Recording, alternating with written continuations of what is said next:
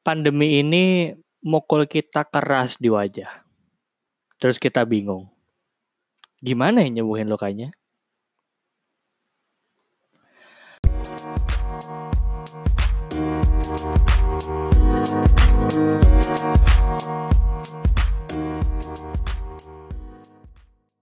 Halo semuanya, selamat datang lagi di podcast bahasa. Wah, 10 harian lebih mungkin saya nggak ngomong-ngomong kayak gini. Karena beberapa alasan. Salah satunya adalah karena saya capek. Saya kadang mikir, gimana kondisi yang menimpa dunia saat ini begitu berdampak ya sama kehidupan.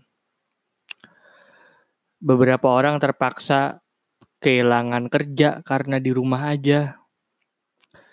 Beberapa orang terpaksa jual harta benda dan juga jual aset buat bertahan hidup. Beberapa pelajar atau mahasiswa banyak yang nggak bisa serius belajar atau bahkan harus nunda tugas akhirnya, harus nunda tahun kelulusannya karena pandemi ini. Ketika sedang lagi di posisi yang tidak menguntungkan seperti ini, tiba-tiba kita harus dalam tanda kutip terpaksa hidup normal. Ketika dulu, enggak dulu, beberapa waktu lalu saya tahu informasi mengenai kita kurang lebih harus melakukan kehidupan normal yang dinamakan new normal atau normal yang baru atau tatanan kehidupan yang baru atau another things about that that's really broke my heart into pieces.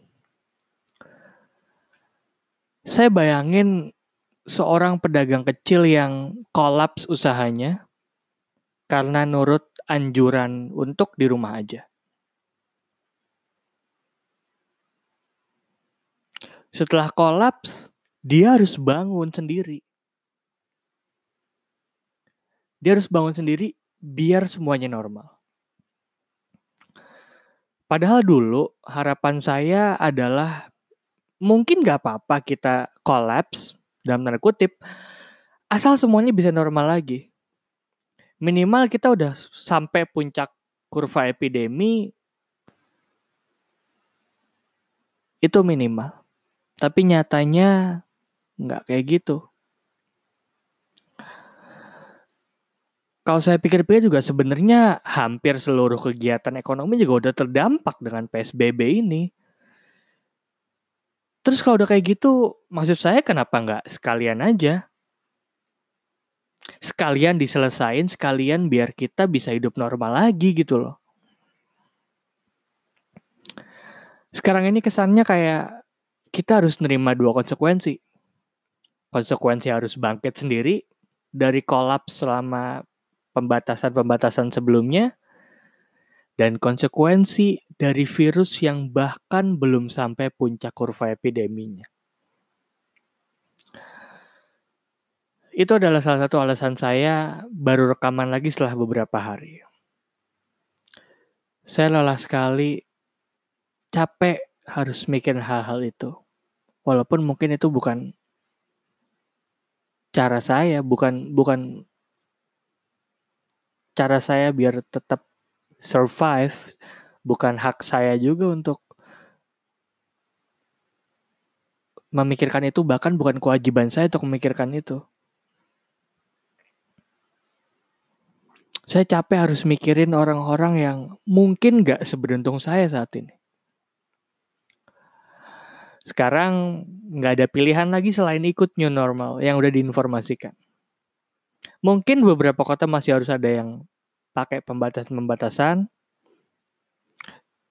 Tapi yang kita tahu setelah itu semua akan masuk ke fase normal yang baru ini.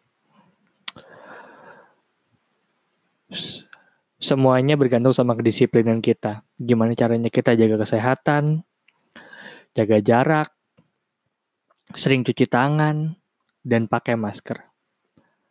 Bila mungkin, makan makanan yang memenuhi kebutuhan vitamin dan gizi harian kita.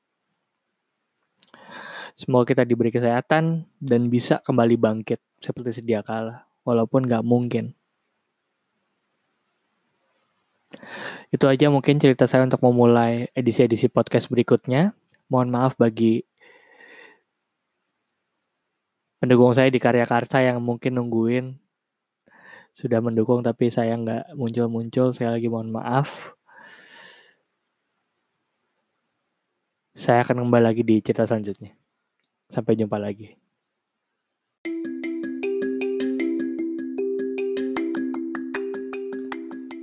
Halo semuanya, jangan lupa dukung saya di karyakarsa.com slash podcast bahasa. Kamu bisa dukung saya mulai dari Rp5.000 aja, dan dukungan kamu pastinya sangat berharga untuk podcast bahasa. Jangan lupa karyakarsa.com slash podcast bahasa. Terima kasih.